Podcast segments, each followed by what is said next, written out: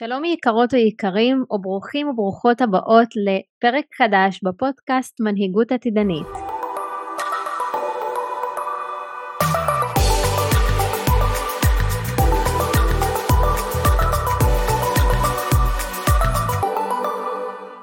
כן, מרווה.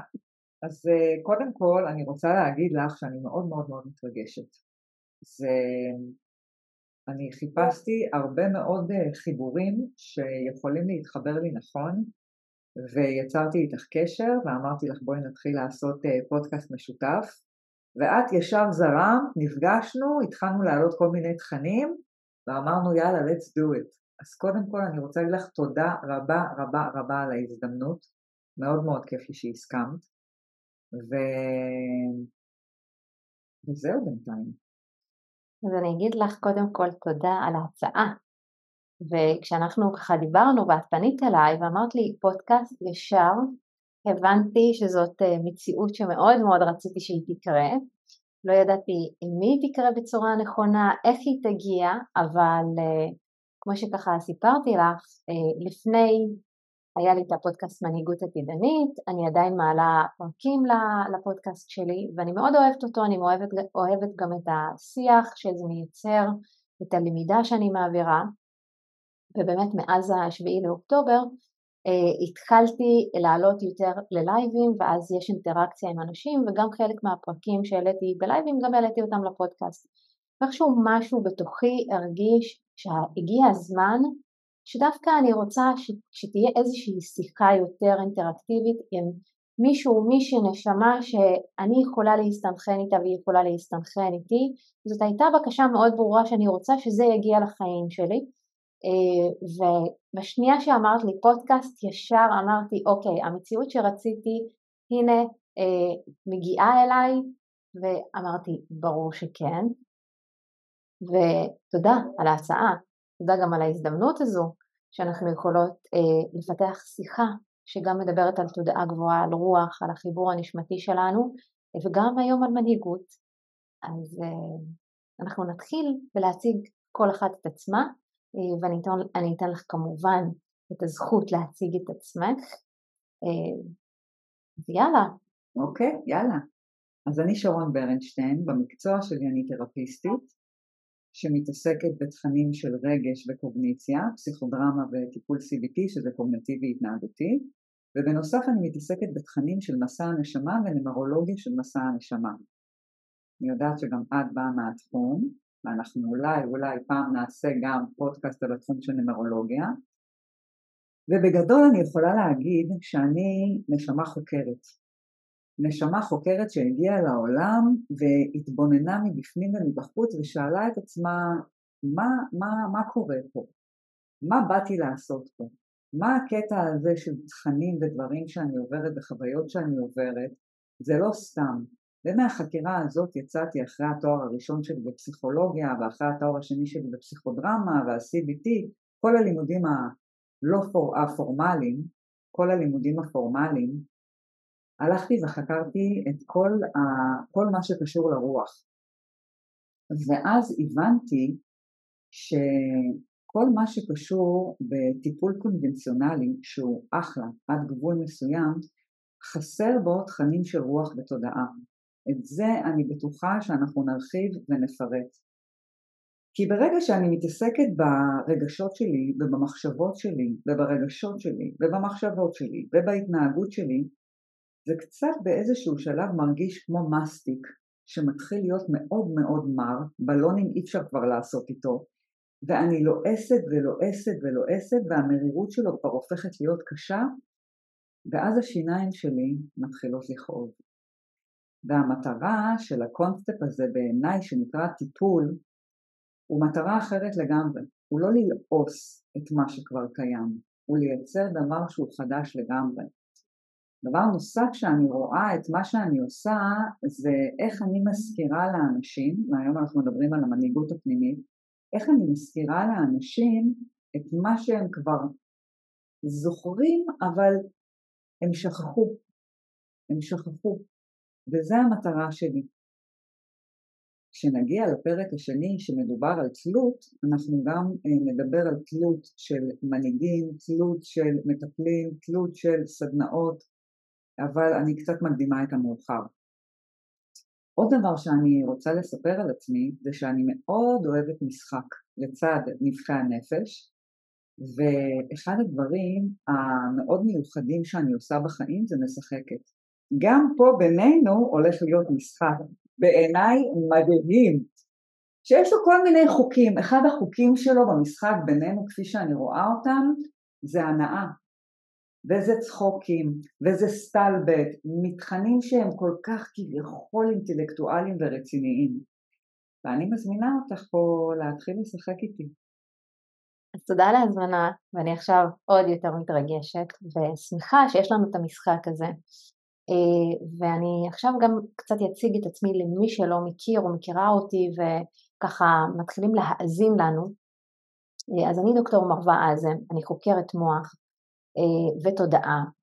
באמת בעשורים האחרונים גם התחלתי לחקור את כל עולם הפסיכולוגיה, זה הגיע הרבה יותר מקודם, באמת ככה הרבה מאוד שנים ניסיתי להבין מי זה אלוהים, מה זה המסע הזה, למה נולדתי להורים שנולדתי אליהם, אה, למה נולדתי בכלל במגזר שאני לא מרגישה שייכת אליו. אה, שלמי ו... שלא יודע. אז למי שלא יודע, אני גם ערבייה, גם מוסלמית, אה, שבסופו של דבר ההגדרה הזו לא מגדירה אותי, יש לי כל כך הרבה הגדרות שהן מעבר להגדרה הרגילה כביכול, שאני כבר לא כל כך מתייחסת להגדרות האלה, אבל כן אני, חשוב לי לשים אותן, וזה משהו שלמדתי לאורך השנים, לשים את ההגדרות האלה כחלק מהתחנות שעברתי לאורך המסע של החיים שלי, כולל גם הלימודים שלי, כולל הזהות כביכול שנולדתי איתה ברמת האישיות, כי יש לזה משמעות, והמשמעות היא חלק מלהגשים את הייעוד שלי, כי כנראה לא סתם נולדתי במקום שבו נולדתי, בחירה נשמתית. נכון. זאת לגמרי בחירה נשמתית שמאפשרת לי אה, להוות אה, מנהיגות חדשה, השפעה חדשה, גם הבחירות שלי לאורך כל החיים הן היו בחירות ממש לא קונבנציונליות, כי אני זוכרת גם שבבית הספר, בתיכון, זה היה ברור להורים שלי שאני אלך ללמוד רפואה ואני בכלל לא רציתי ללמוד רפואה ורציתי להיות טייסת או להיות אה, מהנדסת גרעינית ושני הדברים האלה הם בלתי אפשריים מבחינתי אה, בסטטוס הזה שנולדתי איתו והייתי צריכה לראות מה אני כן הולכת ולומדת, התחלתי ללמוד הנדסה ביו רפואית ובשנה הזו בעצם גיל, גיליתי את אושו, הייתי אז בת 20-19 וגיליתי את אושו והרגשתי שיש שם איזושהי אמת שהנשמה שלי מכירה אותה, כמו שאמרת, ההיזכרות הזו, אה, וגם את התכנים של היוגה, ובחרתי לשנות כיוון למדעי התנהגות ופסיכולוגיה, אה, וזה היה התואר הראשון שלי, ולאט לאט התחלתי להבין שהכיוון שאני נמצאת בו הוא לא הכיוון הנכון, לאורך השנים גם ניהלתי צוותים אה, מאוד גדולים, עד שהגעתי למצב שהכל נראה נוצץ מבחוץ, אבל מבפנים יש איזשהו הרס שאני מבינה ויודעת שאני לא בכיוון הנכון. אה, וזה הוביל אותי לעשות שינוי או להתחיל שינוי שכמובן זה אחרי החלומות שלי ואנחנו עוד נדבר על זה וההיזכרות הזו מי אני ומה אני ואיך אני יכולה להביא את מי שאני האמיתית הנשמתית הזו אה, גם בצורה עוצמתית ויחד איתה גם רכה אה, וזה משהו שלמדתי לאורך השנים. והיום אני כן גם מלמדת נשים להיות בעוצמת הרכות הזו, אני מלמדת אותן לחזור ולהיזכר ולהכיר את המסע הנשמתי שלהן, לחזור לרוח האמיתית המתהווה אה, וכשאני שמה את זה תחת גם הכותרת של מנהיגות זה נשמע אחרת כי לאורך כל השנים גם במחקר שלי חקרתי בעיקר אנשים שהם חולים ואני מאמינה שיש דרך לפני שאנחנו מגיעים לחולי כי הרי החולי לא נוצר משום מקום בסופו של דבר, הוא מגיע מתוך התודעה שלנו, מתוך המסע הנשמתי שלנו ולמה בכלל להגיע לחולי אם אנחנו יכולים כבר למנוע אותו מראש? ומתוך המניעה הזו אנחנו יכולים להגשים את החלומות שלנו ולהגשים את הייעוד הנשמתי שלנו וללכת ולפרוח ולהביא את מי שאנחנו באמת, ואני תמיד אומרת, אני, מהו, אני מלווה נשים ואנשים שהם יהלום, שכשהם מגיעים אליי לתהליך ליווי, שאני לא אוהבת לקרוא לו גם טיפול, כי אני לא מטפלת בהם, אני מלווה אותם, הם שותפים שלי לדרך ואני שותפה שלהם לדרך, והם יהלומים, שאני רק עוזרת להם ללטש, ללטש את, את עצמם פעם אחר פעם אחר פעם אה, ולקלף ואז פתאום את רואה את היהלום הזה מתחיל למצוץ למרחקים ואנשים מתמגנטים ליהלום הזה. וגם נשים שאני מלמדת לקחת את המנהיגות ואת המושכות לידיים למקום הזה של אני יכולה להיות זאת שמרפאה את עצמי, שמטפלת בעצמי, שמתחברת לנשמה שלי. נכון בהתחלה זה די מאתגר וזה נגד חוקי השכל והרגש ואנחנו עוד נדבר על זה, אבל בסופו של יום ככל שמתרגלים ומתאמנים על זה, שזה באמת המהות של אמונה, אה, אז פתאום מגלים עולם חדש. מגלים עולם חדש ועולם חדש לא יכול להיווצר אם אנחנו לא מגלים את העולם הפנימי שלנו ואנחנו יוצרים אותו מחדש בתוך החיים הגשמיים שלנו כאן. אז uh, תכננתי שזה יהיה בקצרה, אבל אני ואת בקצרה כנראה...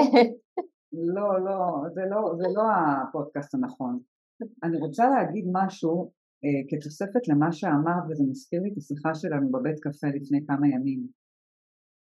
סיפרת לי שאת מכירה לא רק את חוקי הבריאה, גם את הקודים שאם האדם היה הולך איתם, אז באמת היה לו הרבה יותר קל. וכשאת מדברת על היהלום הזה, זה מזכיר לי את הידע הכל כך רחב שיש לך באמת בתחום הזה של איך ללכת נכון עם המקור שלנו. זה לגמרי נכון, כי הרי גם השיטה שלי נקראת שיטת ריקוד, ואני לא קוראת לזה שיטה טיפולית כי זה דרך חיים. וכשאני מדברת על ריקוד זה אומר שאני רוצה לקודד את האישיות שלי, את המסע הנשמתי שלי כדי שאני אחזור למקור ולשורש של מי שאני ושל מה שאני ואז כשאני בעצם קודם כל מבינה את הקודים של הבריאה, אני מבינה את הקודים של מי שאני ברמת האישיות שלי, ברמת הנשמה שלי, אז אני יכולה לקחת באמת אחריות ומנהיגות אישית על מי שאני. וכמובן זה כולל המסעות, המסעות שלנו, הזיכרונות שלנו, הגלגולים שעברנו כי הרוח שלנו כשהיא התגלמה כאן בחומר היא בסופו של דבר כל המטרה שלה זה להתוודע לעצמה.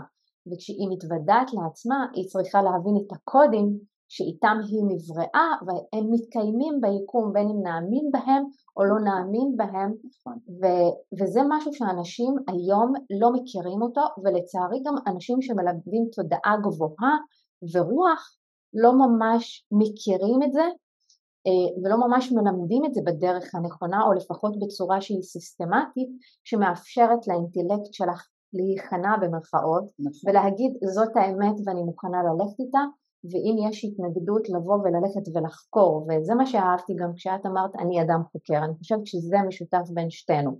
אנחנו שתי נשים שהן חוקרות, חוקרות את היקום, חוקרות את הפנימיות שלהן ואני חושבת שזה בסיס למה שאנחנו יוצרות כאן. לגמרי, לגמרי. וכשנפגשנו חשבנו יחד עם כל כך הרבה ידע וכל כך הרבה דברים שאנחנו רוצים לתת למאזינים לצורך uh, התחלת איזושהי תנועה שהם יכולים להמשיך ולהמשיך ו... אה, את אותה תנועה, אז בגלל ששתינו באות גם בנוסף מתחום הנמרולוגיה, אז חשבנו על זה שהמפגש הראשון ידבר על המספר אחד בתוכן היותר אה, אה, רגשי, נפשי שלו, ואת דיברת על מנהיגות פנימית, שזה נושא מרתק, חבל על הזמן, אז אם את רוצה להתחיל עם התכנים שלך, של המנהיגות הפנימית ומה זה אומר לך בכיף, חבר'ה אני אוסיף עם התכנים שאני מכירה לגבי מנהיגות פנימית. אוקיי, okay, אז בואו רגע נתחיל דווקא אה, להשקיל כל מיני עניינים שקשורים לנומרולוגיה פה, כי זאת פעם ראשונה שאולי יוצא לי לדבר עם מישהי שהיא מדברת נומרולוגיה של מסע הנשמה, ואנחנו אה, מאוד מאמינות ככה אה, שיש הרבה יותר עומק שלא באמת מביאים אותו. ואם אני מתבוננת רגע במספר אחד, אה, שזה גם חלק מהמפה שלי ואני מכירה את המהות שלו אבל גם האתגרים שלו. ומספר אחד הוא מסמל לנו בסופו של דבר את המנהיגות, את המנהיג שנמצא בתוכן, שהמנהיג הזה יש לו יכולת לברוא מציאות בצורה אה, מאוד חדה כל עוד הוא ממוקד במטרה ויש לו את הכוח דיבור שלו שהוא יכול להגיד לדברים תקרו והם יקרו כמו מי? כמו המנהיג, המקור, המקור שיצר אותנו. אז אם אני רוצה להידמות למקור שלי, שזה המנהיג של הבריאה כולה, עליי לשחרר קודם כל מתוכי את האגו הרוחני שלי ולפתח ענווה. ואני חושבת שזה הדבר הראשון שאנחנו צריכות להסתכל עליו כשאנחנו מדברות על מנהיגות אישית. זה לבוא ולהגיד אני יודעת הרבה אבל אני לא יודעת כלום. וכשאני באה מתוך תודעה כזו של אני מורידה את, ה, את הגלימה של אני יודעת הכל ואני באה מתוך מקום שגם אם אני יודעת ואני יודעת הרבה אני אבוא בענווה ו, וזה לא צניעות זה משהו הרבה יותר עמוק ברמת האיכות שלו שזה קשור לרוח שאנחנו והענווה הזו מאפשרת לי לבוא בגישה של אה, ילדים, של בגינרס, שבאים לפגוש את העולם ואת עצמם מתוך אי ידיעה של מה קורה בעולם הזה ומי הם, וללכת ולהעמיק. ואז אנחנו יכולים לשים את המטרות שלנו, ואנחנו יכולים להתמודד עם הפרפקציוניזם שלנו ועם כל מה שקורה בדרך.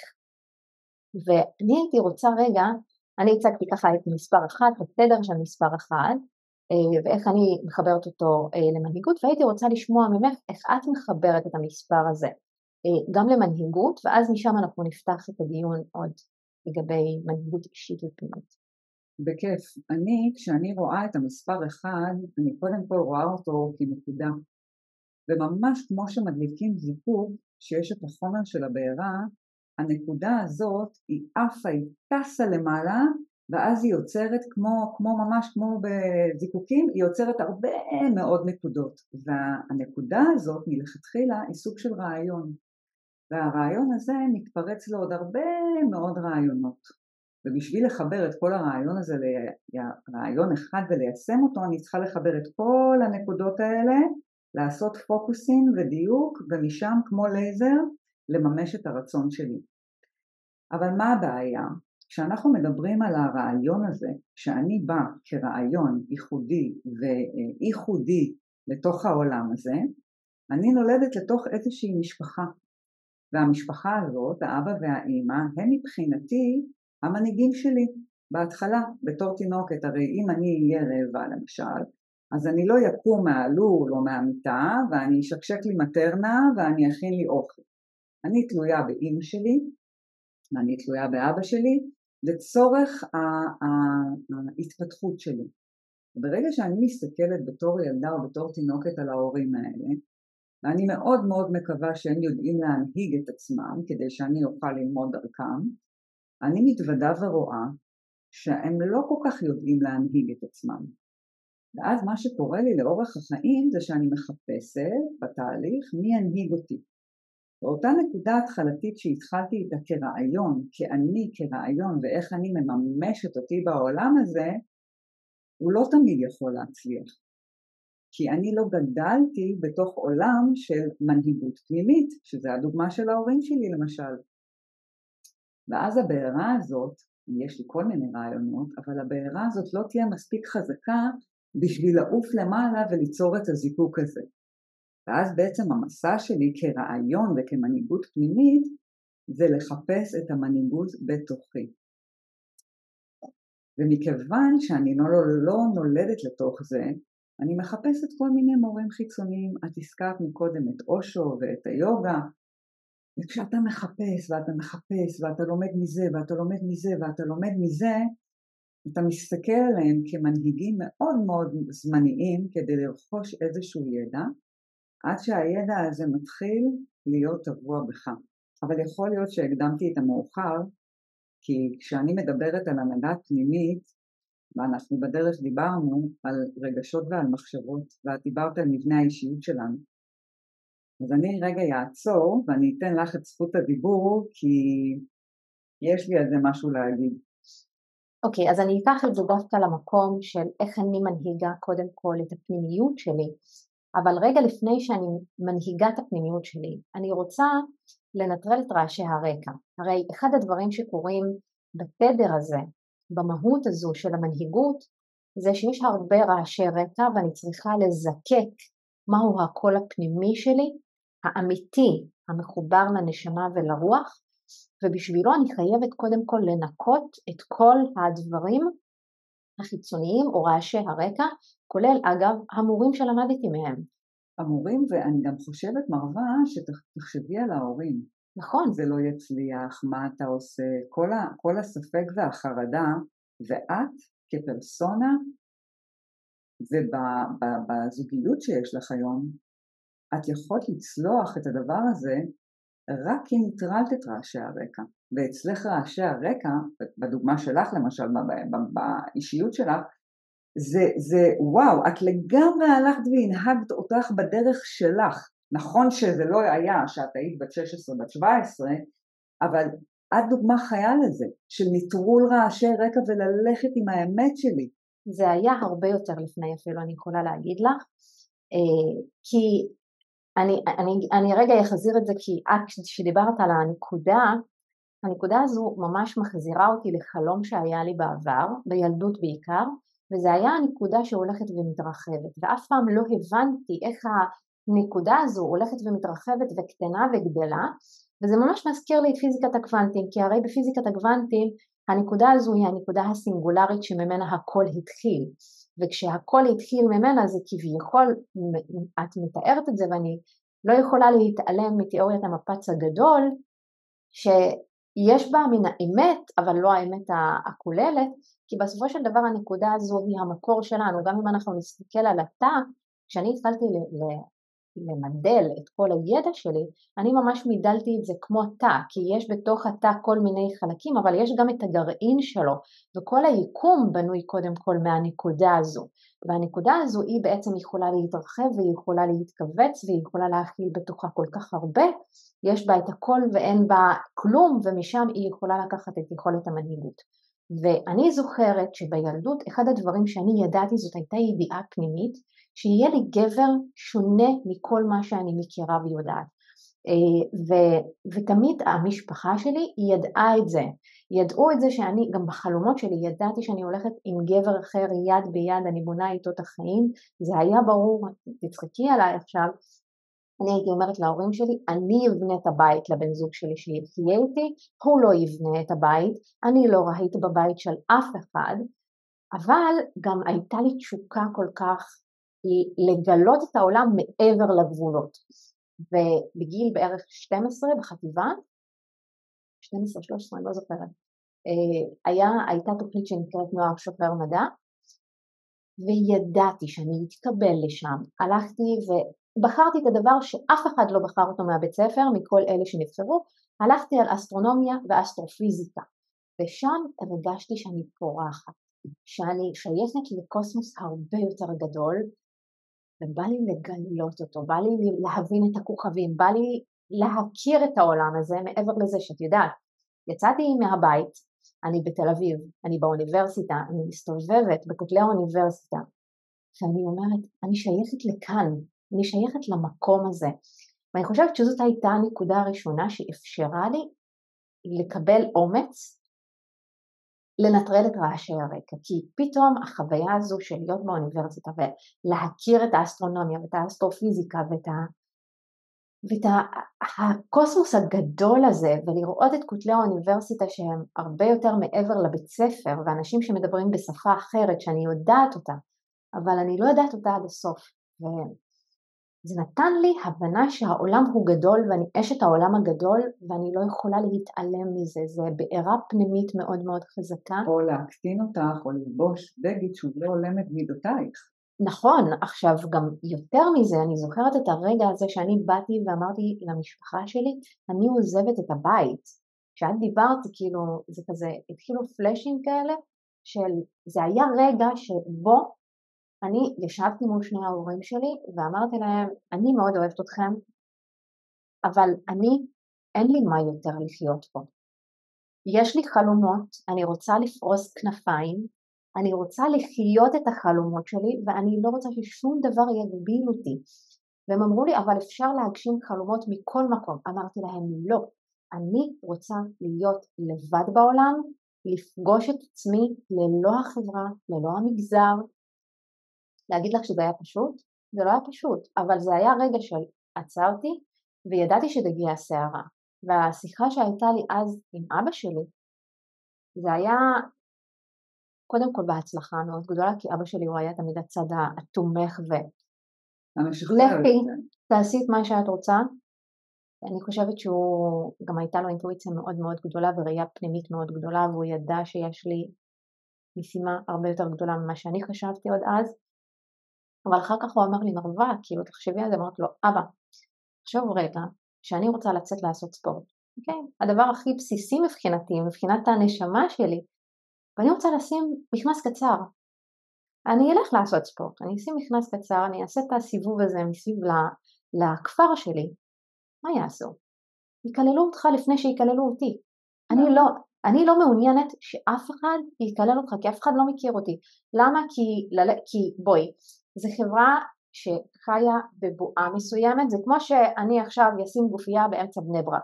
זה אותו דבר, mm, אוקיי. כי יש, יש, יש קודים למסורת, את צריכה להתלבש בצורה מסוימת, צורה, צורה שהיא כביכול צנועה שמכבדת את החברה. עכשיו, אני הייתי מרדנית מאז ומעולם, ואם אני רוצה לעשות ולספק לעצמי את הצורך הכי בסיסי בתנועה, ואני צריכה ללכת עם אה, מכנס שהוא פי עשר יותר גדול מהרגליים שלי, כי אנשים צריכים לתת עליי ביקורת, אני לא מוכנה לחיות במקום הזה, אני לא אנסה לשנות אותם, אבל אני אשנה את הסביבה שלי כי אני רוצה להיות בשקט שלי ולהקשיב רגע.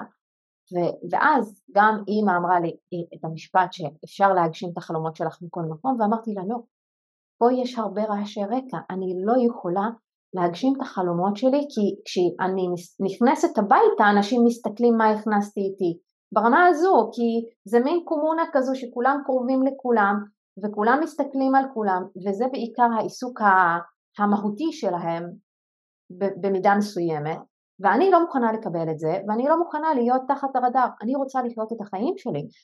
ואני חושבת שההחלטיות הזו שהייתה שם באותו רגע. באותו רגע כאילו פשוט אפשרה לי לבוא ולהגיד זה חד משמעית אני יודעת מה אני רוצה, אני יודעת לאן אני הולכת, אתם לא רוצים להסכים, אל תסכימו, אבל אני כבר מצאתי בית ברמת אביב.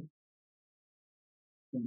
את מוזמנת לבוא, לראות את הבית, להעביר איתי את הדברים באהבה ענקית, ואני אהיה בסדר. את יודעת, מרווה, זה מאוד מאוד מתחבר לי לנושא שלנו, שמדבר על מנהיגות פנימית, בשביל לשמוע מהי המנהיגות הפנימית שלך, אתה באמת צריך להוריד את רעשי הרקע, זה מאוד נכון, וגם יש ידיעה פנימית של הנה הגעתי הביתה, כמו שאת מתארת, שאת היית באוניברסיטה, משהו שם מתחבר לך ברמה שאת לא יכולת להסביר, הרי זה לא הקירות של האוניברסיטה, זה משהו הרבה יותר גדול. והידיעה הזאת והמקום הזה של אני הולכת עם האמת שלי, זה בדיוק המנהיגות הפנימית, או לא לחשוב מה יגידו, מי יאשר אותי, מי יגדיר אותי, והרבה פעמים אנחנו נופלים על המקום הזה של לא רק מה החברה תגיד לנו, גם מה האימא והאבא הפנימיים שכל כך סיגלנו בתוכנו עם הביקורת ועם השיפוט ועם... את יודעת, בדרך לפה חשבתי על זה שהרצון שלי לעשות איתך את הפודקאסט, אני לרגע לא עבר לי בראש אה, אם את ערבייה, אם את מוסלמית, אם את נוצרית, אם את יהודייה, זה ממש לא עניין אותי. כי אני ראיתי איזושהי מטרה שהיא הרבה יותר גבוהה מזה. אבל אם הייתי אומרת, רגע, וואי, עכשיו מלחמה, אוי ואבוי, עכשיו אנחנו קצת אה, במתח עם הערבים, ואני יהודייה, ואת יודעת, אנחנו באמת לא התייחסנו לנושא הזה של מלחמה, ואני רוצה להגיד שהסיבה שאני לא מתייחסת לזה, זה אני לא מדברת ערבים ויהודים בכלל, אני מדברת על אונס, רצח ועוד כל מיני פשעים, זה קשור לא לבני אדם למפלצות. לא משנה באיזה מגזר הם. וברגע שאני אתן את הדעת שלי ואת המחשבות שלי ואת הרגשות שלי למפלצות, אני אחיה מפלצת. ואני אין לי שום כוונה לתת אנרגיה למפלצת. וזה ככה בסוגריים אה, הקטנות שלי שרציתי, אה, כאילו אני אומרת וואו, כאילו אפילו לא התייחסנו לזה. אבל אין מה להתייחס לדבר שהוא לא קיים מבחינתי. נכון זה קרה, אני לא מתכחשת, אבל להמשיך לתת לזה כוח, אז אני נותנת להנהגה של מפלצת כוח, ההנהגה הפנימית שלי היא לא בכיוון הזה בכלל. אני מזינה אותו. עכשיו אני רוצה לקחת את זה למקום דווקא של האנושיות. אני חושבת שאחד הדברים שקרו לשבעה לאוקטובר זה שזאת הייתה שבת, בשבת אני מכבה את הטלפון. אני לא מדברת עם, עם אנשים, אני בבית, בשקט שלי, ובאותה שבת אחרי שכל זה התחיל לקרות וכל העניין של האזעקות, פשוט פתחתי את הטלפון, כתבתי באינסטגרם שלי מי שצריכה זקוקה לעזרה, אני כאן. ולאט לאט, ככל שהתמונה התחילה להתבהר, אני לא התייחסתי למה שהמפלצות האלה עשו, כי זה הרבה יותר מעבר לעכשיו לתאר את הקונפליקט, יש סיבה, אני לא מתכחשת לזה, וישר הלכתי לכיוון של ההתנדבות. ואני חודש וחצי בערך, לא עניין אותי מה קורה כרגע בעסק, כמו הרבה אנשים, וידעתי שיש לי את הכלים ואת היכולת ללוות את האנשים שעכשיו חווים תופת, גם יש לי חברות ולקוחות שאני מלווה שהמשפחות שלהם נפגעו ונרצחו להם אנשים והייתי שם איתם וכאילו בכל, בכל ההוויה שלי רק הייתי יחד איתן בשביל שאני אושיט להם יד שאחרי ששנייה הם יתאפסו על עצמם הם יוכלו להרים את הראש. ואז החלטתי להתנדב. וכשהתחלתי להתנדב גם באופן עצמאי התחלתי ממש לחפש אנשים מהעוטף פגשתי נשים ודיברתי עם נשים שנאנסו. ופגשתי לא מעט פעמים מאז, מאז אותו יום נשים שנאנסו, וכשהנשים האלה קלטו שאני ערבייה, פתאום הבינו שיש מפלצות, אבל יש אנושיות באותה, באותו, באותו level שלא מבדילה אם אני ערבי או אתה יהודי, אלא פשוט אנחנו נשמות, באנו ללמוד אחת מהשנייה ואם הנשים האלה צריכות מישהו שיושיט להם יד ועכשיו הוא מספיק חזק ברוח שלו להושיט את היד הזו, אז בטוח שאני אעשה את זה. וזה לא מעניין אותי מה המוצא שלהן, מה הדת שלהן, מה הלאום שלהן, להפך, אני חושבת שזה שירות הרבה יותר גבוה ברוח להביא את האנושיות ברגעים הקשים האלה, ויותר מזה, אחר כך אני ומיכאל אה, התחלנו לעשות הסברה, לא לישראל. מי שלא יודע זה בן זוגך. כן, מיכאל הוא בן זוגי. אה, התחלנו לעשות הסברה לא לישראל, כמו שהרבה אנשים התחילו לעשות הסברה לישראל, כמה אנחנו קורבנות, לא.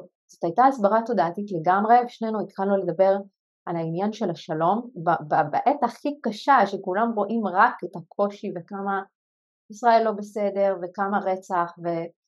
וכל הדבר הזה, ואני ובכלל התחלנו לעשות הסברה עם uh, מדינות ערב ולהציג להם שיש סיפור אחר שיכול, שיכול לקרות פה, אנחנו חיים את הסיפור הזה, שנינו ביחד כשתי נשמות שכל אחת באה ממוצא אחר, מתרבות אחרת ומדת אחרת. ומאמונות כל כך שונות.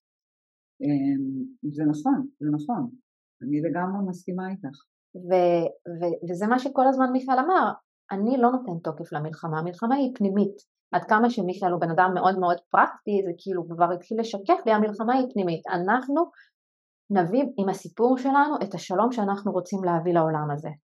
ולא סתם בחרנו את המנהיגות הפנימית, כי אנחנו לא מדברים על מנהיגים חיצוניים פה בפודקאסט. אנחנו מדברים על אחריות 100% לכל בן אדם ובן אדם שיתחיל להנהיג את עצמו ולא יסתכל החוצה, כי ברגע שכולנו ננהיג את עצמנו מהמקור הגבוה ולא מתוך מבנה האישיות שלנו, שזה לא בכלל מי שאנחנו, העולם באמת ייראה אחרת לגמרי. נכון, הוא ייראה אחרת לגמרי אפילו הרבה יותר ממה שאנחנו מדמיינים נכון. ומתארים לעצמנו ברמה כזו שאנחנו לא זקוקים למישהו חיצוני. חיצוני שינהיג אותנו ויגיד לנו איך לעשות את הדברים או מה לעשות את הדברים, אלא אנחנו יודעים מה נדרש מאיתנו ומשרת כרגע את הנשמה ואת הרוח שלנו, ברגע שאני צריכה לקבל את ההחלטה אני מקבלת אותה בצורה שלמה ומלאה ואני לא מסתכלת עכשיו אם זה או X או Y או Z, למה? כי אני יודעת שכולנו באנו למסע הזה ביחד, אנחנו יכולים להשלים אחד את השנייה בשביל לייצר שלם, אבל אנחנו לא צריכים להיות תלויים אחד בשנייה. לגמרי, ואת יודעת, אני גם כשאת אמרת הנהגה, הנהגה חיצונית, האם קיים מישהו בעולם הזה שיכול להנהיג אותי? האם קיים בן אנוש כזה או אחר שיכול לדעת מה טוב לי? אני כבר לא תינוקת. האם קיים בן אדם בעולם שיגיד לי תעשי את זה ואל תעשי את זה כי אני חושב שאת אמורה? לא יכול להתקיים בחיים. נכון שיש תהליך ויש אה, כמו אה, מדרגות עד שאני יודעת באמת מי אני, מה הרצון שלי, מה באתי לעשות פה, איזה שירות באתי לתת שהוא הרבה מעבר לשירות של האגו של מה שרוב האנשים הולכים ועושים, לא כי הם רעים, לא, הם פשוט חסר להם ידע, אבל לא חסר להם הידע האינטלקטואלי, חסר להם הידע הנשמתי המהותי שהוא זה שבאמת רוצה לכוון אותם למקום הרבה יותר גבוה, איך אמרת? מעבר, מעבר למה שאנחנו יכולים לדמיין. כי הדמיון שלנו והמחשבות שלנו והרגשות שלנו מאוד מאוד מוגבלים. אנחנו רואים רק בתוך ארבעת, ה, יודעת, בתוך הקיר שלנו. ואנחנו לא רוצים בכלל להסתכל מהמקור הזה. ואני רוצה רגע להחזיר אותך למקום הזה של ההנהגה הפנימית את דיברת על ידע מאוד מאוד ברור שקרה לך שהיית באוניברסיטה. את יכולה לתת עוד מקומות שבהם לא משנה מה אמרו ואיזה רעשי רקע היו, את ידעת להנהיג את עצמך למקום שהוא המקום המדויק עבורך? אפשר לדבר רגע על הזוגיות שלנו, ש... שאני חושבת שזו גם דוגמה שאני חיה אותה. כי אני ידעתי שיהיה לי בן זוג אחר, אמרתי לך את זה, ו... כשאני ומיכאל נפגשנו, הייתה שם איזושהי אנרגיה שהיא הרבה יותר מעבר לרומנטיקה או ל... מעבר לזמן ומקום. נכון, זה היה, זה היה, אם אני מספרת את זה ככה בקטנה, אבל אנחנו נפגשנו באיחור כי מיכאל איחר לדייט שלנו והוא הגיע מאוחר בינואר, אגב מה התאריך היום? זה עוד כמה ימים, אנחנו כבר תשע שנים ביחד, אה, הגעתם לאמת מבחינה נמרולוגית. כן. אה, עוד שנייה אתם ממש... מסיימים סייקל. כן, אנחנו מסיימים סייקל, מתחילים חדש, ומיכאל הגיע באמצע, כאילו לקראת סוף ינואר, ב-21 לחודש, וזה היה קור כלבים, ואנחנו התהלכנו בתל אביב, הלכנו לים, ישבנו בים, חזרנו בשבע בבוקר, ולא הרגשנו שיש זמן, שיש מרחב, פשוט דיברנו וזה הרגיש הרבה יותר מעבר לאיזושהי משיכה רומנטית או איזושהי רק ידידות שנרקמה, זה הרגיש... חיבור נשמתי. כן, זה, זה הרגיש שזה משהו שהוא הרבה יותר מעבר. גם מיכאל ככה לפני עשה את הבדיקות שלו, אה, גם אני כזה התרגלתי לרעיון שזה יכול להיות זה, אבל בשנייה ששנינו נפגשנו, שוב ללא רעשי הרקע של עכשיו מה יקרה, באתם נטו אתם. כן, כי, כי, כי באמת באנו ממקום של אוקיי, בוא נכיר. אה, ושם הבנתי שאני לא רוצה להילחם, אבל, אבל זאת הזוגיות שאני רוצה. היה לנו הרבה קונפליקטים בזוגיות, אני לא אתחיל לדבר על זה, אולי נדבר על זה בפרק הבא או בפרקים הבאים. יש לנו אה, פרק על זוגיות כן. באהובה. אה, אבל אני זוכרת משפט אחד של אימא שלי, ואני מבקשת שאף אחד לא ישפוט אותה, בסופו של דבר גם לה יש את הראייה שלה ואת הדאגות שלה את האכפתיות שלה בתור אימא, כי גם אכפת לה ממני, אבל כשהיא התחילה לראות שאני ומיכאל בזוגיות שהיא רצינית, וזה לא עוד גבר שאני יוצאת איתו ומבטיח לי שאנחנו מתחתנים, ואז פתאום לא קורה כלום, כשהיא התחילה לקלוט שזה באמת זה, אז היא אמרה לי, מרווה, את לא, לא תתחתני על גופתי המתה. ואמרתי לה, אמא, זה לא על גופתך המתה ולא על גופתך החיה. אני עם האדם הזה, כי אני אוהבת אותו, יש לי את הגב, אנחנו שנינו אחד בשביל השנייה, וזה מה שזה. אני יודעת שייקח לך זמן לקבל את זה, אבל אני הולכת על זה עד הסוף.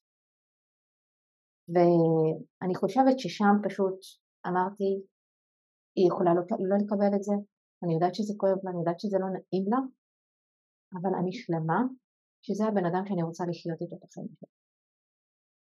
זה שאנשים לא יקבלו את האהבה הזו, או את הזוגיות הזו, וכל הזמן ישאלו אותנו איך יכול להיות שאתם מסתדרים, איך יכול להיות שזה קורה.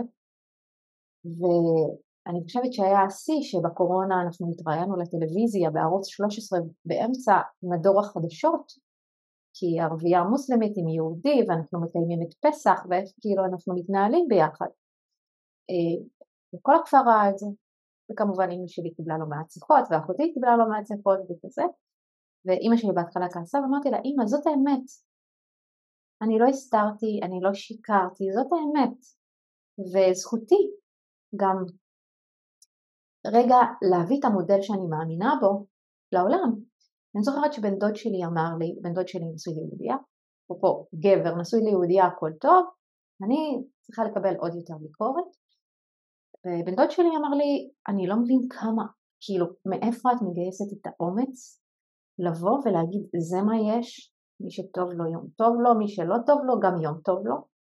ואגב, הבת שלו עכשיו התארסה, בחור יהודי, וגם הוא נוסע וכולם מכירים אותו, ופתאום את מסתכלת על זה, ואני מבינה שהמנהיגות הפנימית הזו וההקשבה פנימה, ובעיקר, אני לא אוהבת לקרוא לזה עקשנות, אבל ההליכה הזו עד הסוף עם האמת, כמו שאת אומרת, היא משתלמת. כי פתאום אנשים מסביב רואים את הדבר הזה חי, קיים, נושם, מתממש במציאות שהיא כאילו כל כך תרופה, אז אומרים אוקיי רגע שנייה כל הסטיגמות שלי מתחילות להתערער, כל האגו, כל המחשבות, כל הרגשות, אני צריך לעשות מזה איזשהו סדר מחדש. ו... וזה גורם לי כל פעם מחדש לבוא ולהגיד אוקיי אני בתוך המנהיגות הפנימית שלי ואני עצם זה שאני קיימת מבלי להגיד לאנשים מה צריך לעשות או איך הם צריכים לחיות את החיים שלהם, הם ידעו לקחת את זה לחיים שלהם ולעשות את זה באינטרפטציה שלהם כי הנשמה היא יותר חכמה מהאישיות. לגמרי. את גם מדברת פה על הנושא שנקרא קבלה עצמית. ברגע שאני מקבלת אותי ואני יודעת מי אני, שוב לא מהמקום של המחשבות והרגשות והאגו, זה מקום אחר לגמרי. ברגע שאני יודעת מי אני באמיתי ומקבלת את מי שאני, לא רק שאני לא שומעת, כי זה לא מעניין אותי אם כן מקבלים אותי, אם לא מקבלים אותי, מה חושבים עליי.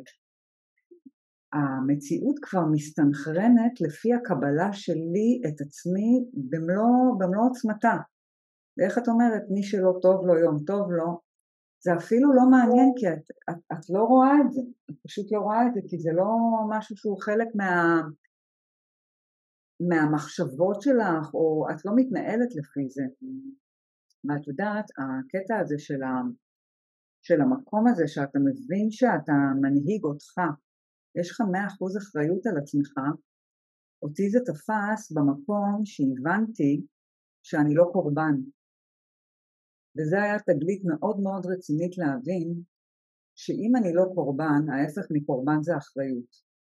ואם יש לי אחריות מאה אחוז על מי שאני, אז יש לי חופש.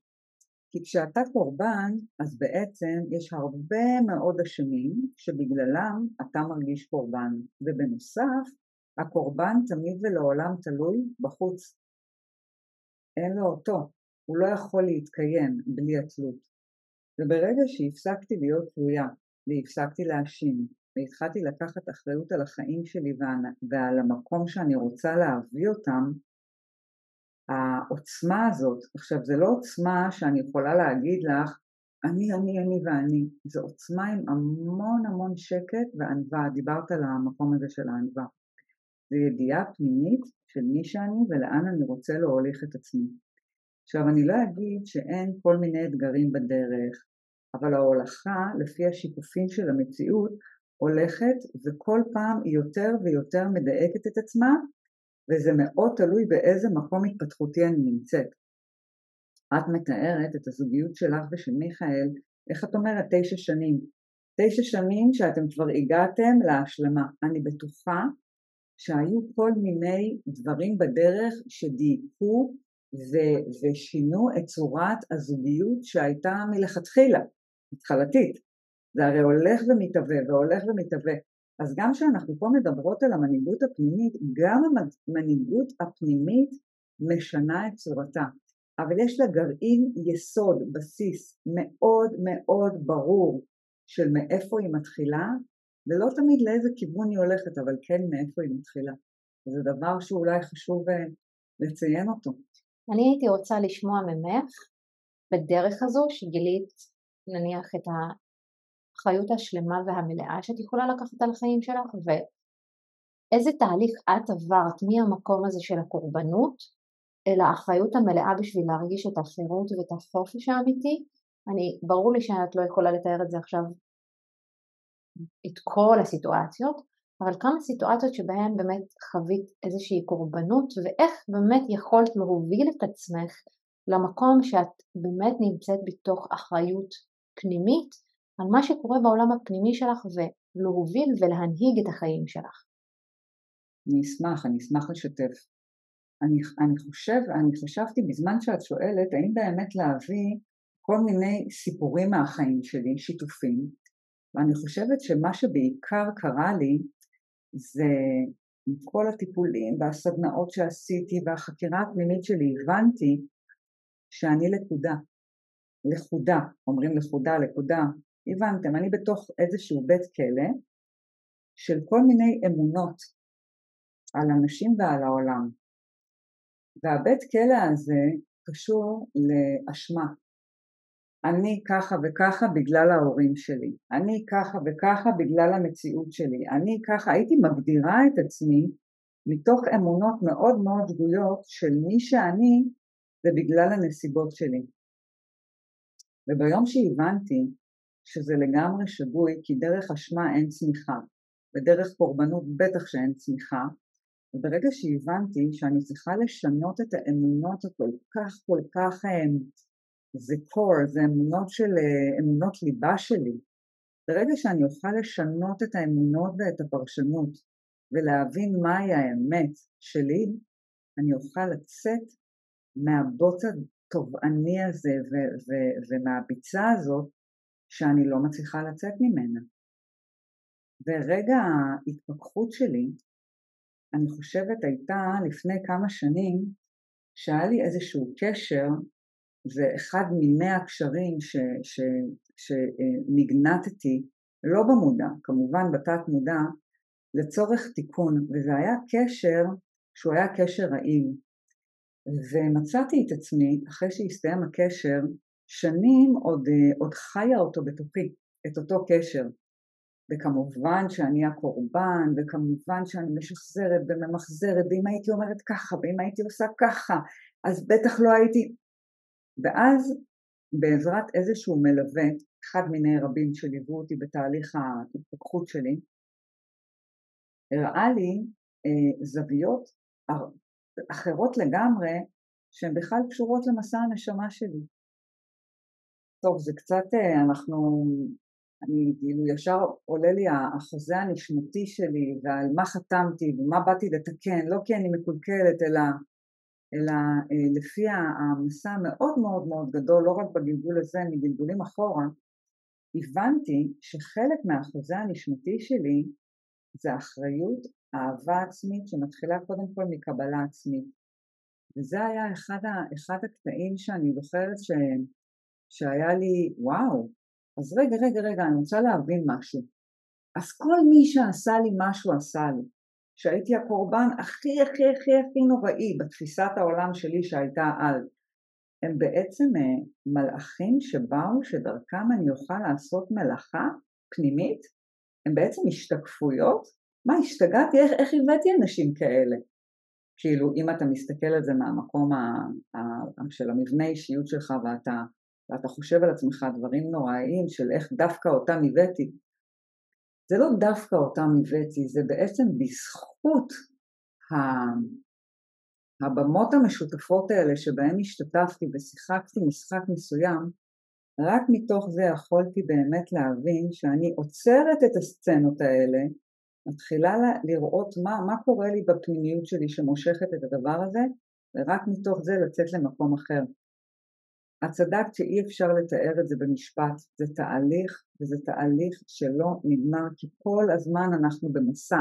זה לא הנה הגעתי עכשיו אני מאה אחוז אחריות אני יכולה להחזיר דרכון ולהתפטר מהעולם הזה. ממש לא. זה מסע שזה, ואיך את אומרת? אורח חיים. זה מסע שכל הזמן מתהווה ומשנה ומדייק את הצורה שלו. אני מאוד מקווה שהייתי ברורה או שהעברתי את זה באיזושהי צורה שמישהו פה יכול מהצופים שלנו, מה, מה, מהמאזינים שלנו יכול להתחבר לזה. יש את הרגע הזה שאתה אומר די חלאס, אני בתוך בית סוהר של לוב ואני לא יוצא מזה. שמישהו יבוא ויוציא אותי, פליז. אמ, וכן, אני, אני פשוט הוצאתי את עצמי בעזרת אה, הרבה מאוד כלים שרכשתי. אני חושבת שאנשים יבינו את מה שאמרת, והרבה יותר מיבינו, הם יתחברו לתדר שבו דיברת והבאת את זה, כי זה, זה ממש לדבר אל הנשמה ולתאר את המסע הזה שאת עוברת ולהגיע למקום שאת אומרת די חלאס, אני לא יכולה יותר. ועכשיו יש לי אותי ואני לוקחת אחריות ושזה לא זהו הגעתי לנחלה ו... ויאללה אני יכולה לשבת באולימפוס ולהגיד אני מלכת העולם ואני מנהיגה זה תהליך שמתהווה והולך ומתפתח יחד איתך. הרי אנחנו דיברת על משחק חיים הם משחק וככל שאני עולה בשלב אה, של המשחק המשחק לא הופך להיות הרבה יותר קל אלא פשוט יש לי יותר את המיומנויות ואת הכלים לשחק אותו ולכן כביכול הכלים במשחק או כמו שאת תיארת את זה המלאכים האלה בזכותם התפתחתי וגדלתי הם אה, כלים שמגיעים בשביל לפתח את השרירים שלך כל פעם מחדש ולהאמין בעצמך ולקבל את עצמך, אבל יחד עם זאת אני הייתי כן רוצה דוגמה קונקרטית אה, שבה את אמרת אוקיי, פה אני לוקחת את האחריות ואת המנהיגות ואני מנטרלת את רעשי הרקע שלי ואני פועלת מתוך קבלה ומה שיהיה יהיה. יש לי אחלה דוגמה.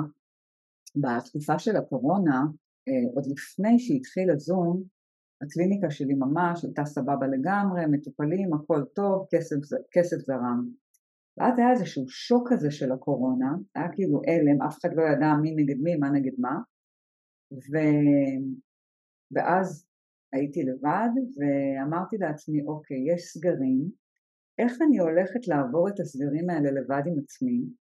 אני אחפש עבודה שהיא עבודה נצרכת שבה אני אוכל לצאת מהבית ולראות אנשים. והלכתי והתקבלתי לעבודה באחת מקופות החולים של הבריאות שלנו והעבודה לא כל כך טעמה את מידותיי. זה היה, הייתי באיזושהי מרפאה של שיניים במדד התיכון בכניסה. והחבר'ה שהגיעו לטיפולי שיניים או לאורתודנטיה זה הרבה מאלה שבאו אליי לקליניקה. ואני זוכרת שהם ראו אותי ואמרו מה, מה את עושה פה? את תרפיסטית, מה את מודדת חום? ואני לקחתי את זה בכלל למקום אחר, בכלל לא מקום של קורבנות, לגמרי לא לקחתי את זה למקום של משהו זמני, שאני פוגשת אנשים, ואני אפילו מדמיינת שאני פותחת להם את העין השלישית עם הרובה הזה ש... מודד להם את החום אם הם רוצים והייתי מברכת אותם בלב שלא יכאב להם הטיפול שיניים. מאוד מאוד פוגש אותי איזה מישהו מהשירותי בריאות שהתחלנו לקשקש וסיפרתי לו שאני מתחום הטיפול ואז הוא אמר לי רגע רגע אבל לא יכול להיות שאת פה בואי אני יש אה, מוקד קורונה אולי את רוצה להצטרף למוקד קורונה? אמרתי אוקיי מוקד קורונה ומככה קומה ראשונה, שישבנו שם בקומה ראשונה, שמו אותי בקומה שלישית שזה ההנהלה הבכירה של אה, אותה חברה, של אותה אה, קופת חולים, ואני מוצאת את עצמי אחראית על פרויקט הקורונה.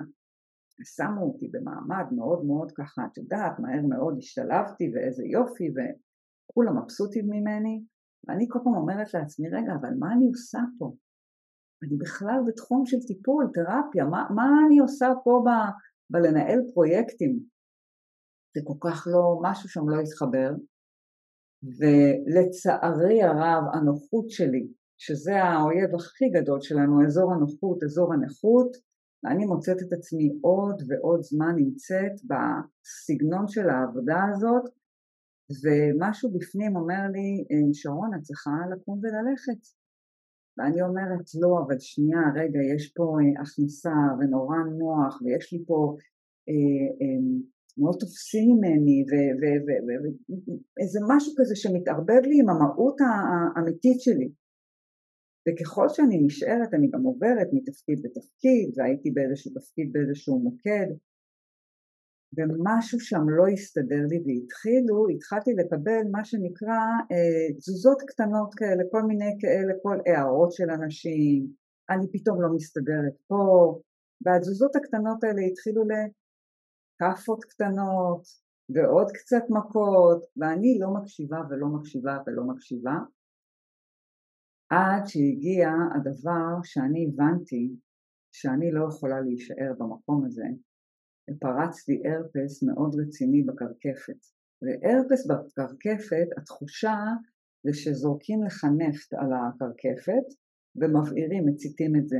בעירה מטורפת. אבל אני נכנסתי לאיזשהו לופ שמה יהיה ואני לא יכולה ועכשיו עוד פעם צריך לקליניקה ואנשים ואני בכלל הייתי במקום אחר ואיך אני ואני מתחילה להגיד יואו ומה יהיה ואיך יהיה ואין אף אחד שעוזר לי. ואני עוד פעם נכנסת ל, ללופ הזה של הקורבנות הזאת של מה יהיה עם החיים שלי ולמה עוד פעם ככה ו... ואז אמרתי עצרי עצרי עצרי עצרי את לא בכיוון. גם עם הארטס הזה את לגמרי לא בכיוון את עכשיו הולכת לחזור לעוצמה שלך כאילו כנגד כל הסיכויים ואת הולכת להתפטר ואת הולכת לייצר קליניקה משגשגת וזה מה שהולך להיות. עכשיו זה לגמרי לא היה במציאות שלי, היו לי אפס מטופלים, אני כל האנרגיה שלי השקעתי בחברה הזאת, בקופת חולים הזאת ואני מוצאת את עצמי עם הרפס, משהו מזעזע. ועם זה הלכתי כי אני האמנתי אמונה מאוד מאוד גדולה שמי שאני ומה שיש לי לתת זה דבר מאוד מאוד מאוד גדול. והמקור איתי, המקור לא מתכוונת ציפור מקור, אני מתכוונת למקור, לבורא, לבריאה, ולא משנה מה, אני לא אפול. ועם זה הלכתי עד הסוף, וזאת האחריות שלקחתי. זה ממש ממש מדהים. אני חושבת שזה ממש מתאר את, ה, את התהליך הזה שאנחנו יכולות ללכת למוכר ולבטוח, ואז באיזשהו רגע כל הדברים החיצוניים, הגוף שלנו, השיקופים שמגיעים, השיעורים שמגיעים אומרים לנו עצרו רגע, שנייה, תבדקו איפה אתם נמצאים ברמת התודעה, איזה תנועות תודעתיות יש לכם ותקחו החלטה, לפחות אם את נמצאת במקום תהיי שלמה איתו וקחי אחריות על ההחלטה שלך עד הסוף. אה, ואת פה ממש תיארת את התהליך הזה של אוקיי, איך אני יכולה לקחת את, את כל מי שאני, את כל מה שהחלטתי, לקבל גם את ההחלטות שלי ולהבין שזה לא המקום שלי. לגמרי, גם ההחלטות הן החלטות משתנות. נכון. כי ברגע שהתחילה הקורונה, ההחלטה שלי הייתה לחזור להיות שכירה בשכר מינימום, שזו החלטה שכאילו מי היה לוקח אותה היום. יכול להיות, אם לא הייתה ברירה, תמיד יש ברירה. אבל ההחלטות זה משהו שהוא משתנה. ולא עכשיו החלטתי להיות בעבודה כזאת וזהו לכל החיים, גם כשזה לא מתיישב כבר עם מבנה האישיות שלי או עם מי שאני באמת. אז זה נורא נורא חשוב, האחיזה הזאת היא שגויה לחלוטין.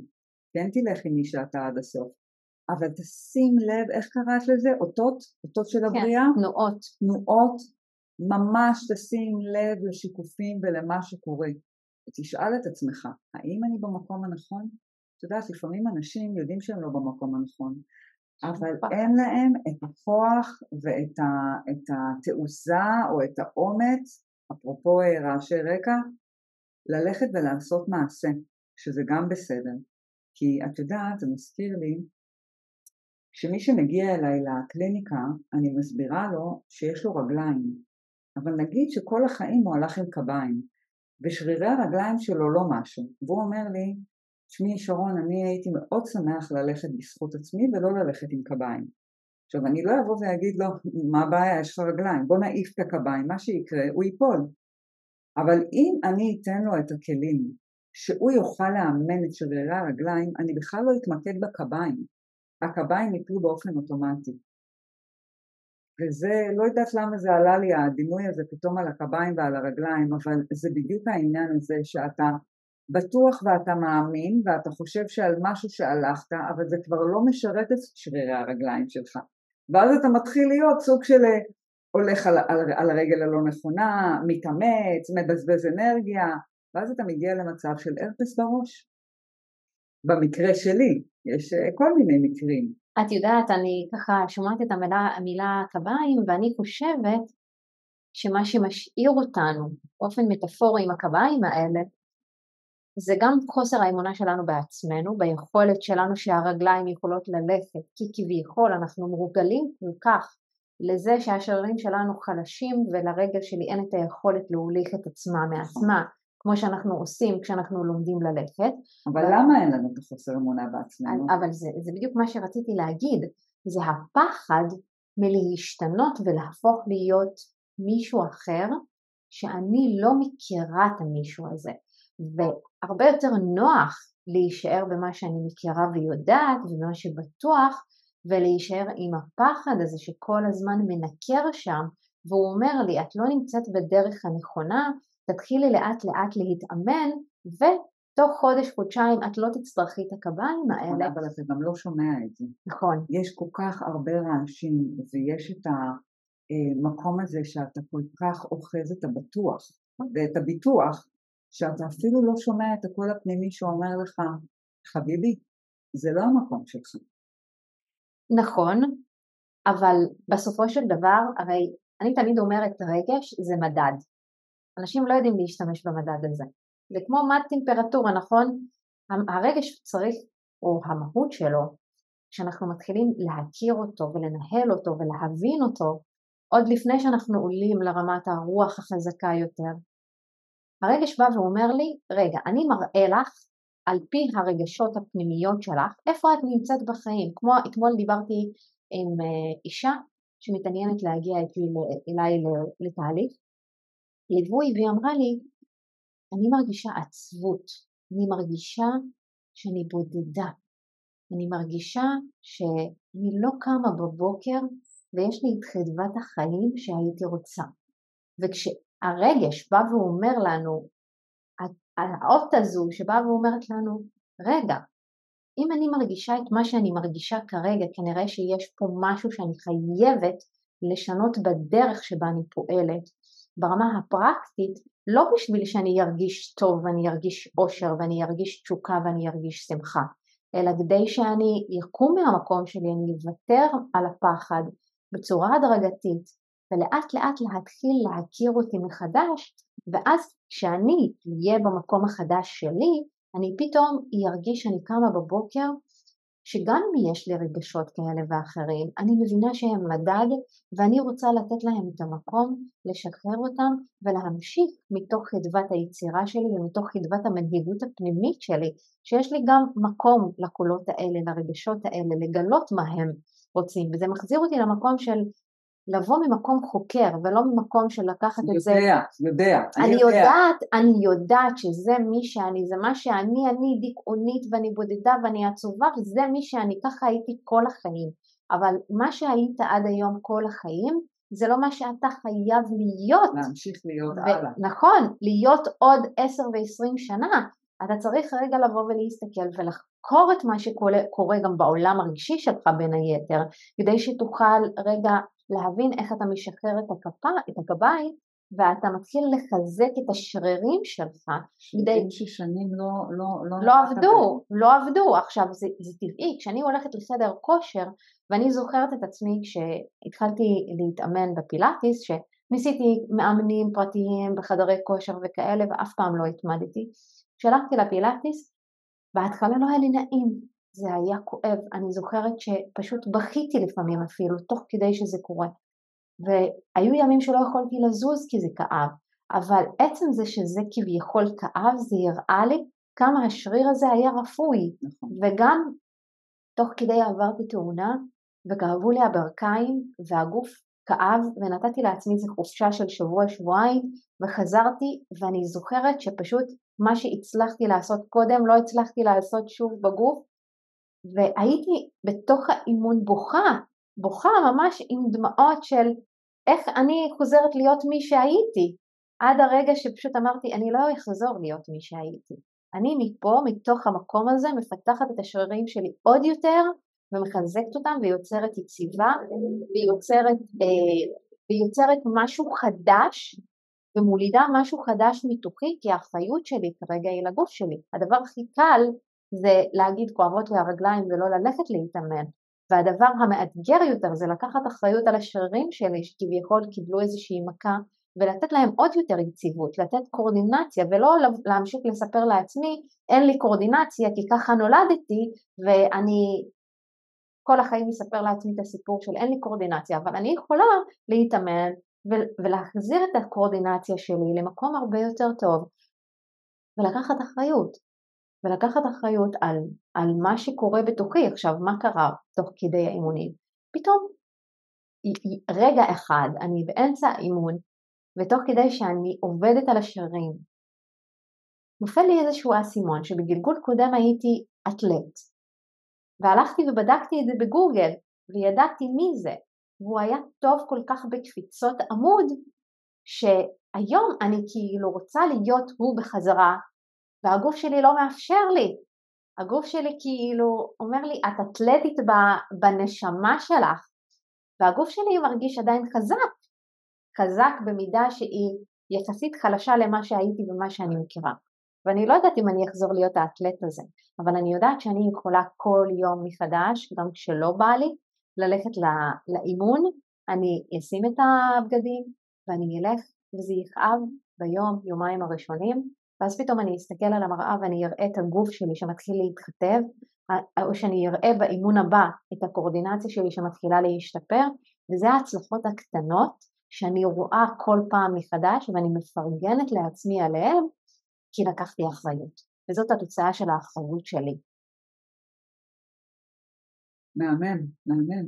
אני, אני מקשיבה לך ואני אומרת, את יודעת, אבל אנחנו באות ממקום שעברנו המון, גם בחיים כמו כולם, אבל יחד עם זאת גם הלכנו וחקרנו והלכנו להרבה מאוד סדנאות ואנשי טיפול.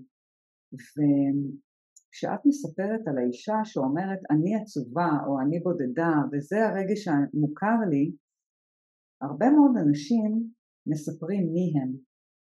לפי מה שכל החיים הם התאמנו להאמין שזה מה שהם.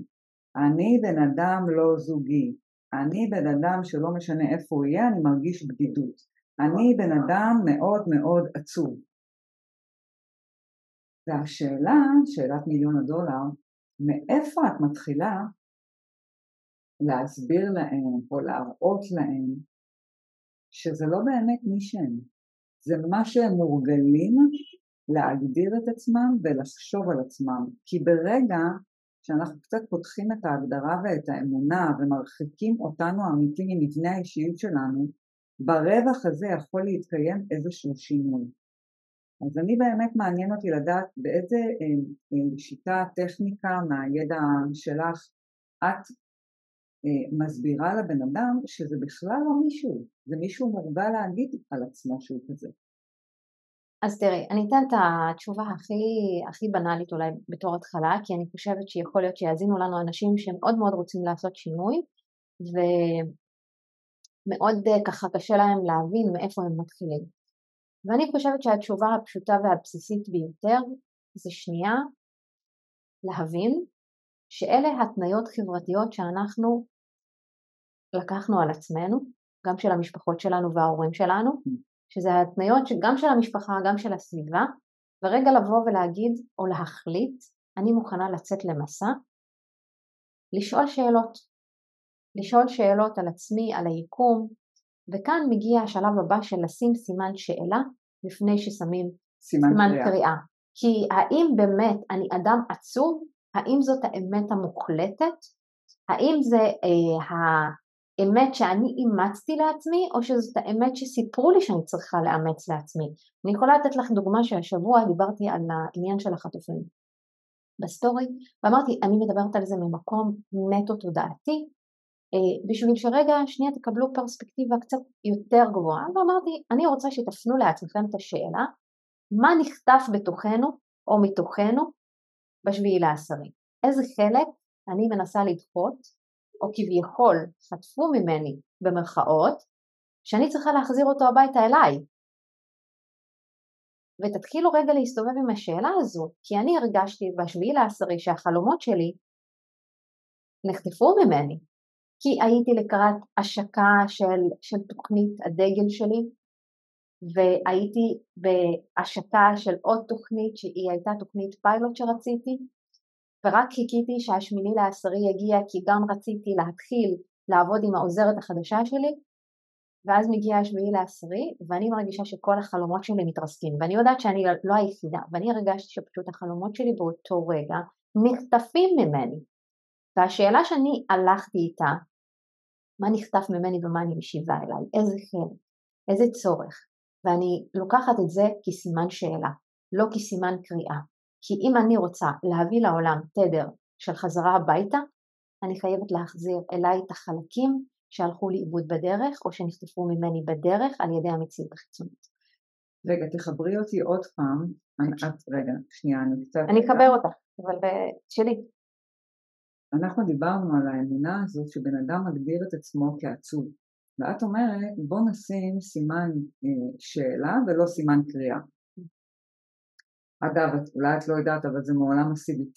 אה, יש ה, יש את הדבר הזה שאתה שם סימן שאלה כדי לפתוח משהו. איך זה קשור למה שנכתב ממך? אני אסביר לך. כי הרי אם אנחנו מדברות על עולם של שיקופים, אוקיי?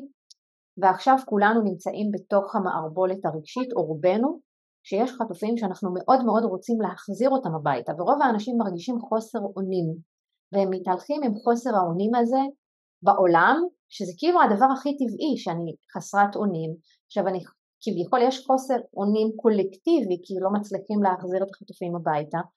ואני מתהלכת בעולם בתור בעלת עסק, בתור אישה בזוגיות שהבן זוג שלה במילואים או אני מול עצמי מרגישה חוסר אונים.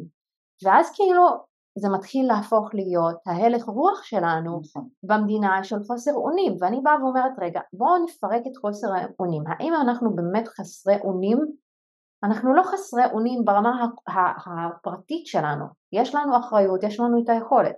אז בואו נשים את הסימן שאלה על חוסר האונים. ואם אני מחברת את זה כביכול השיקוף הגדול הזה ברמה הקולקטיבית שזה החטופים, אז יש פה חוסר אונים שקשור למשהו שנחטף, כי החטופים הרי הם משקפים בצורה קולקטיבית גם ברמה האישית שלי משהו שקיים בתוכי, נכון? ואני רוצה להביא איזושהי תנועה חדשה לתודעה הקולקטיבית.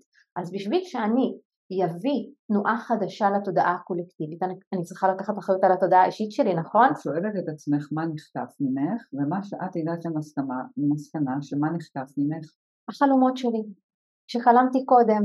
אוקיי, ומה השלב הבא? מה, איך את מחזירה לעצמך את החלום? מעולה. אז איך אני מחזירה לעצמי את החלום? קודם כל להרשות לעצמי לחלום, שזה אפשרי בכלל. שזה אפשרי שאני אחזיר את החלקים שנחטפו ממני הביתה, mm-hmm. אני מחזירה אותם, וממש ללכת ורגע להבין איזה חלקים איבדתי בדרך. כי יכול להיות שאיבדתי את הדרך הזה, את, ה, את הילדה התמימה הזו, שמאוד רוצה לחזור להאמין שאפשר אחרת, וזה באמת מה שהיה. ואז אני רוצה להחזיר את הילדה הזו רגע הביתה ולהגיד לה, אהובה, אני פה בשבילך, אני פה בשביל לתת לך את המקום גם לכאוב וגם רגע להרגיש בית בחזרה. אני לא נוטשת אותך, אוקיי, כי זה גם עוד רגע שקרה שם, שאנחנו, רוב האנשים חווים אותו, שננטשנו, נכון? רגע, אבל שנייה, אני, אני רוצה להחזיר אותך, אני, אני לא סתם מתעקשת, למקום הזה שאישה מגיעה ואומרת לך, אני עצובה ואני בודדה. ואת אומרת, אה, אוקיי, אני, אני עושה את העבודה על השיתופים ומאיפה היא ספגה את זה ולמה היא מאמינה שהיא ככה, ואז מה? ואז אני מתחילה לתחקר אותה, אני מתחילה לשאול אותה שאלות בשביל להבין מאיפה זה מגיע, אני יכולה לתת את הדוגמה. אוקיי, אני... אז הבנת, הבנת, הבנת שזה מגיע מההורים שלה וגם הבנת שנגיד במערכות היחסים שלה היא כל הזמן חוותה בדידות, כי היא זימנה לעצמה מערכות יחסים מאוד מאוד ספציפיות, שבה יש עצב ובדידות, ואז? אז אני אגיד לך מה. אחד הדברים שקורים, כשזה קורה, הרי אני מתחברת גם ברמת האינטואיציה וברמת הנשמה לבן אדם.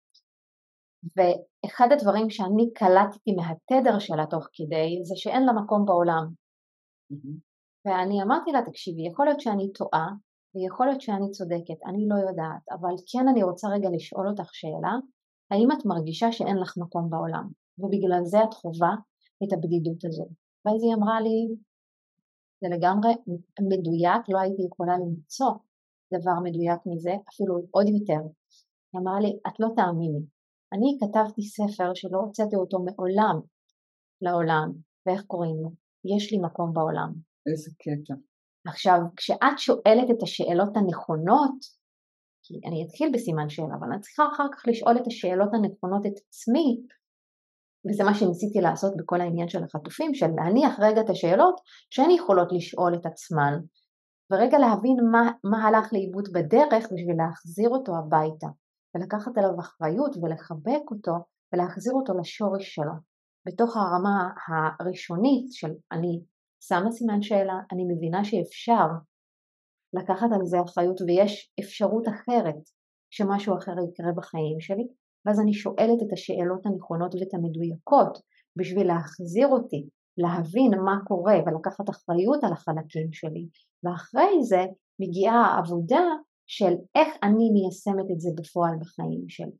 אני כל פעם מייצרת שיח עם הילדה הפנימית שלי שמרגישה שאין לה מקום בעולם, או שהיא איבדה משהו בדרך, ואני באה ואומרת לה, אני יכולה להיות ההורה, לא הזה שצריך שתהיי תלויה בו.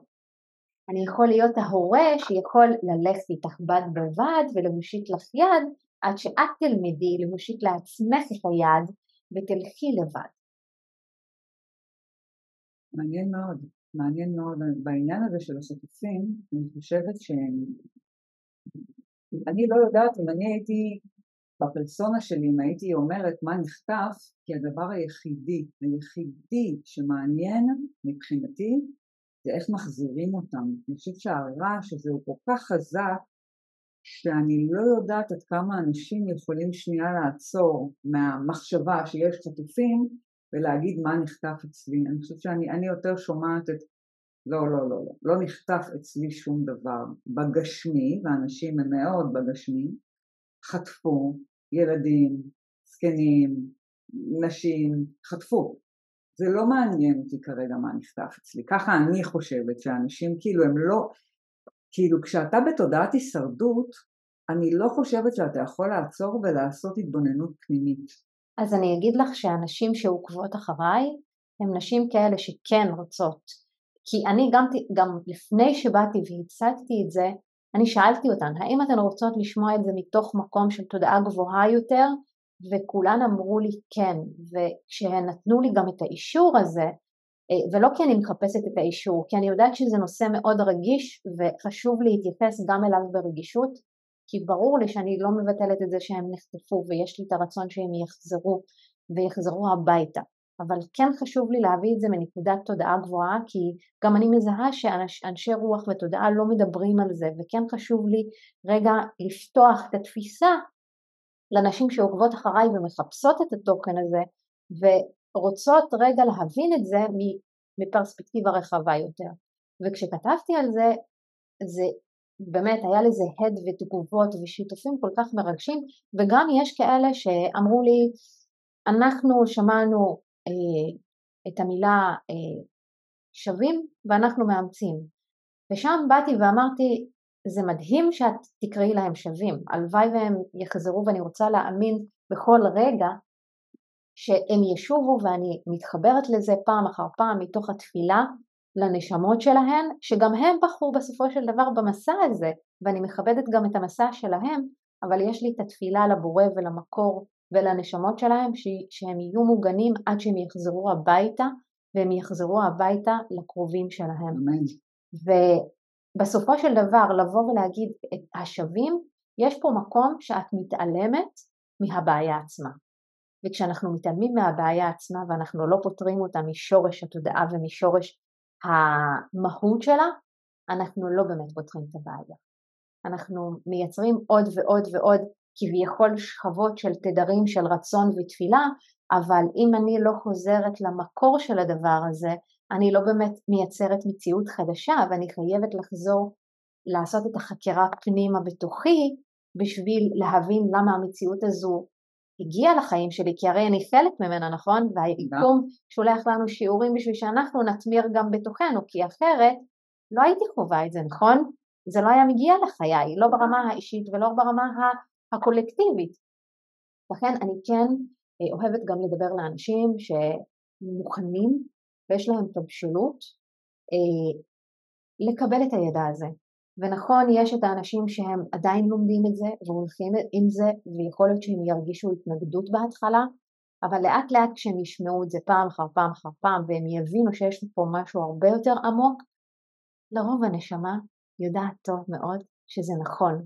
גם אם השכל יגיד איך, עכשיו אני רוצה איך ברמה ההישרדותית, הלב ירגיש שיש פה מן האמת. ומשהו בתוכנו יירגע ויגיד אוקיי, הבנתי, אני רוצה שהם יחזרו, אבל רגע, אולי באמת יש דרך אחרת. מבינה? בטח, אני מאוד מבינה. אני רק כל הזמן חושבת מי מקשיב לנו ועד כמה זה... אבל בסדר, אני לגמרי איתך. אני פשוט חושבת שהשלבים הם... אה, טוב, אני, את, אה, את באה מעולם תודעתי מאוד מאוד מאוד גבוה ומדהים, ואת מנסה להוריד את זה למטה, ויפה מאוד. אז איך את מסכמת את המפגש שלנו? איך אני מסכמת? וואו, אני מסכמת שהיה פה כל כך הרבה דברים שהבאנו לגבי מנהיגות, אה, גם על הקבלה שלנו, על האחריות האישית שלנו, על המעבר הזה בין קורבנות לאחריות מלאה ועל המהות של החירות. אה, וזה עושה לי רצון לעוד, כי אני אוקיי. יודעת ששתינו, יש לנו עוד, אנחנו יכולות לדבר פה עוד כמה שעות בכיף ו... וממש באהבה, כי שתינו ככה מתבוננות אחת במה שהאחרת אומרת ומביאה גם את הצד שלה ואני מאוד אוהבת את זה. אה, ואני מאמינה שאנשים ככה יתחילו לספוג ולעכל את מה שנאמר פה ואני באמת מעודדת כל אחת ואחד שיקשיבו לנו, יאזינו לנו, תתחילו לחקור את העולם, את המנהיגים הפנימיים שיש לכם, תתחילו לפתח אותם כי אי אפשר לפתח שריר מבלי, מבלי להחליט שאנחנו משחררים את הקביים, אני חושבת שזה משהו שהבאת אה, אותו ואני מאוד אוהבת אותו ואני הולכת גם איתו. ואני אשאל אותך איך את היית מסכמת. אני הייתי מסכמת את השיחה שלנו, קודם כל שיחה מפרה בצורה בלתי רגילה, מאוד נהניתי, אבל אם הייתי אה, מסכמת את זה במשפט את כל השיחה שלנו, זה המעבר מקורבנות לאחריות, וזה בשבילי מנהיגות פנימית. אמן, אני לגמרי מסכימה איתך. אז עד הפעם הבאה. נכון, אבל רגע לפני שאנחנו מסיימות, בואי נספר לכם, נספר להם, למאזינים שלנו, איפה הם יכולים למצוא אותך, איפה הם יכולים למצוא אותי ברשתות החברתיות. וואו, וואו, שנפתח הכל פה עכשיו, ואני חושבת שגם נוכל לשים להם... אה, קישורים. קישורים, נכון? כן, אז אנחנו נשים קישורים מתחת לפרק, אה, ככה שתוכלו להתחיל לעקוב אחרי שרון ואחריי, אה, ותתחילו גם לקבל מאיתנו עוד תכנים מרתקים ומעניינים אה, וגם להכיר עוד את העולם הפנימי והחיצוני שלנו אה, ואם אהבתם את הפרק הזה אני באמת מזמינה כל אחד ואחת שמצא אה, שהתוכן הזה מדבר ללב שלה, לנשמה שלה, לאישיות שלה ושלא תפיצו את זה, תשלחו את זה לפחות לבן אדם אחד ואתם כבר עוזרים לנו בלהשפיע ולהגדיל את מעגל ההשפעה. יותר מזה, אתם מוזמנים גם לעקוב אחר, אחרינו כמובן ברשתות החברתיות, את זה אמרנו. אתם מוזמנים גם לתייג אותנו, כי זה גם עושה לנו טוב על הלב, אה, לראות שאתן מתייגות, אתם מתייגים, או כותבים תובנות שעלו לכם מהפרק.